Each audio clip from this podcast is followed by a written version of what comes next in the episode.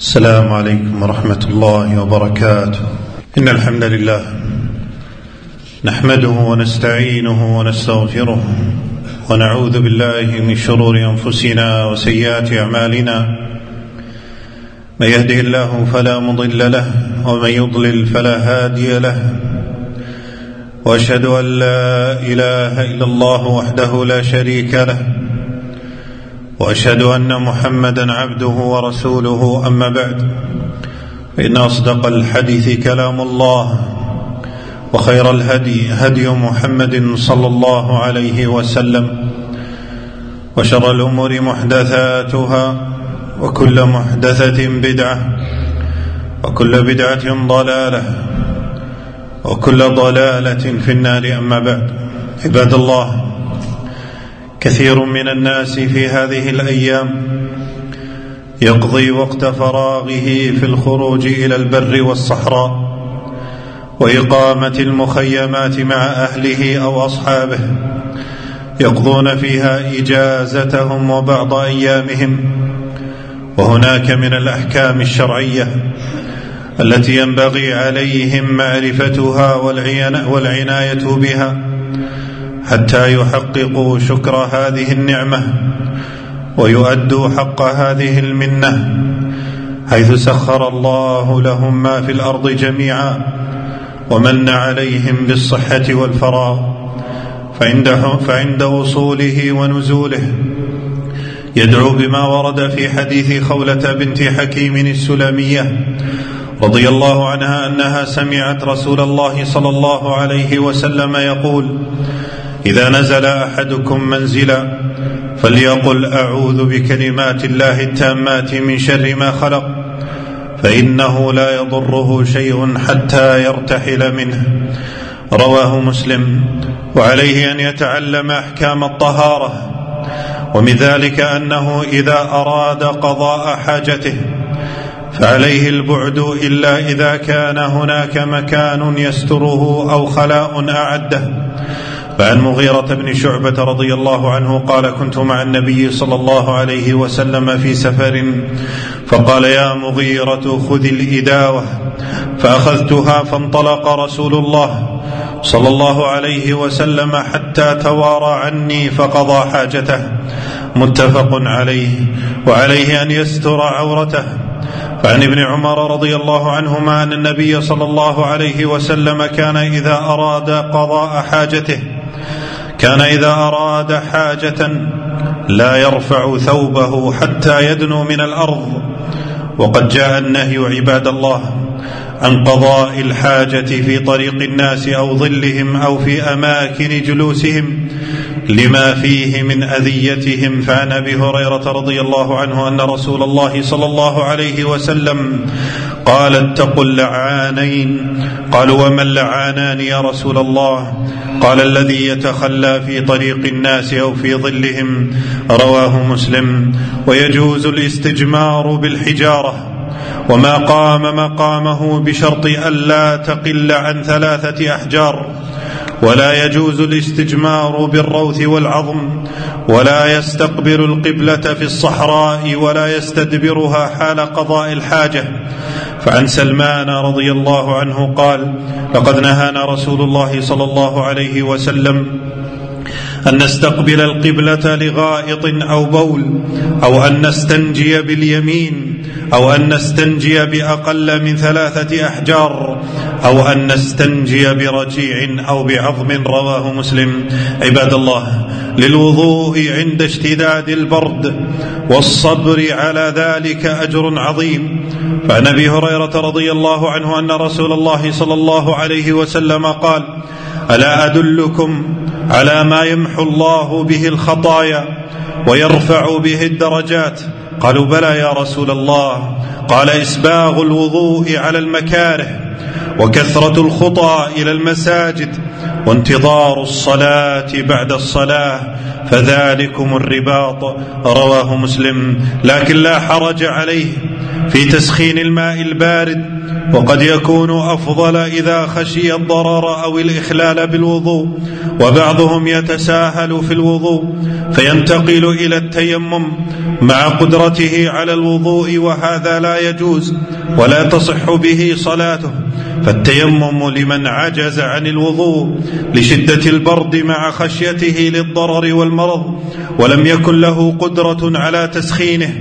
أما مجرد التأذي من الماء البارد فلا يرخص له التيمم بل يجب عليه أن يمس الماء ويتوضأ ويجب أن يحتاط المسلم لوضوئه وغسله بإعداد مكان يمكن الاغتسال فيه وتجهيز ما يمكن تسخين الماء به.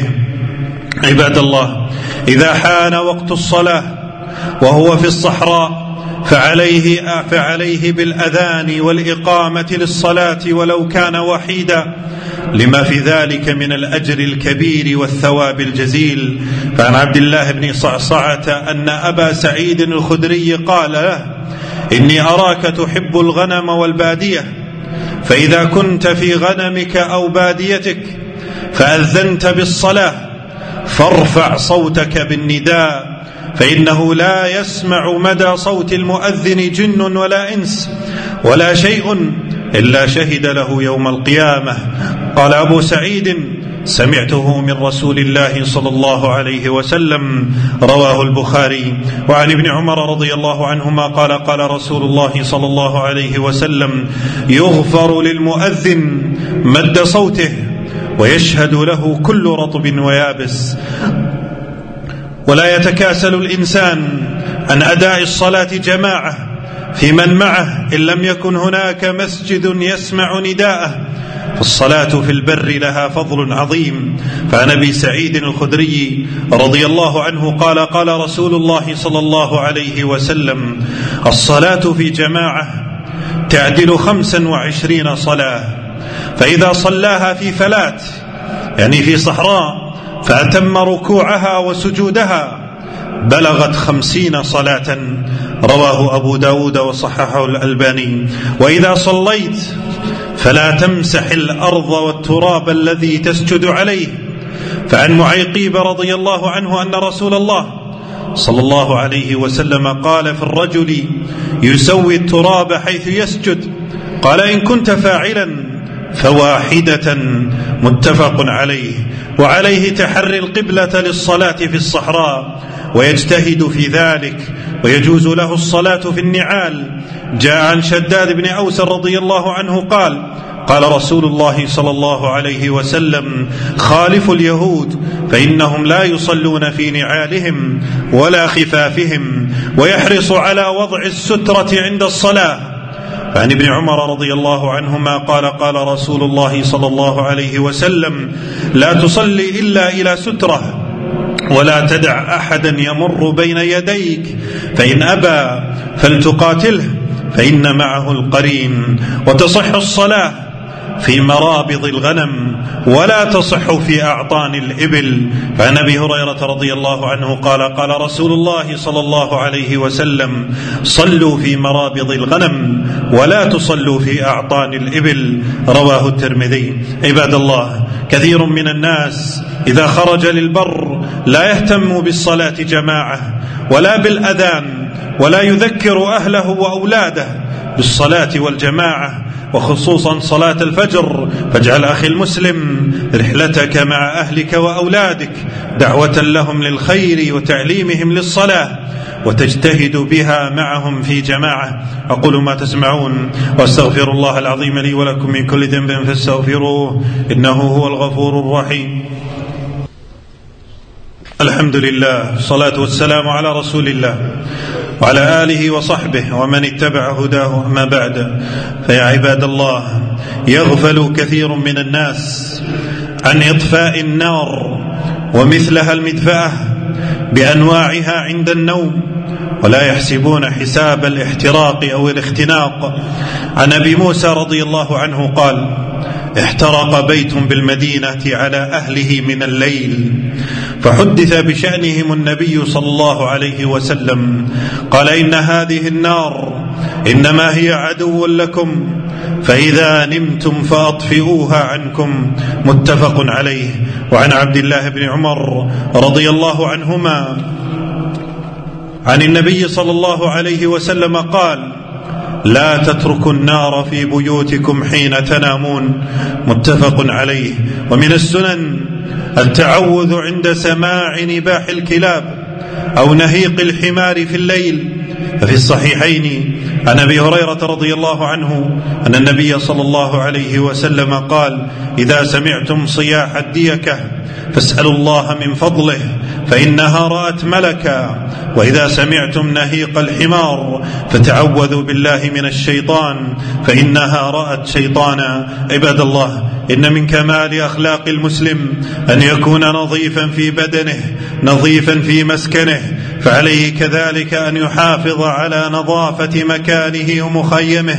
فإن ترك المكان بعد الخروج منه مليئا بالأوساخ والمخلفات يؤذي العباد والبلاد وحتى البهائم والحيوان ومن الصدقات وأعمال الخير التي ينبغي الحرص عليها غرس الأشجار والنباتات فاستغل خروجك إلى البر بهذا العمل الذي هو من أعمال البر. فعن أنس رضي الله عنه قال قال رسول الله صلى الله عليه وسلم ما من مسلم يغرس غرسا أو يزرع زرعا فيأكل منه طير أو إنسان أو بهيمة إلا كان له به صدقة. متفق عليه. اهتموا عباد الله بشؤون دينكم واجعلوا رحلاتكم في طاعة الله ولا تغفلوا عن ذكر الله ولا تجعلوها في معصية الله. فالمخيمات التي فيها الغناء والفجور لا يجوز حضورها ولا الرضا عنها ولا التي فيها الغيبة والنميمة فابتعد عن كل ما يغضب الله فالعمر قصير والدنيا فانية والآخرة خير وأبقى. اللهم إنا نعوذ بك من الفتن ما ظهر منها وما بطن. اللهم ربنا آتنا في الدنيا حسنة وفي الآخرة حسنة وقنا عذاب النار. اللهم اغفر للمؤمنين والمؤمنات والمسلمين والمسلمات الأحياء منهم والأموات ربنا اغفر لنا ولوالدينا ربنا اغفر لنا ولوالدينا وصلى الله وسلم وبارك على نبينا محمد.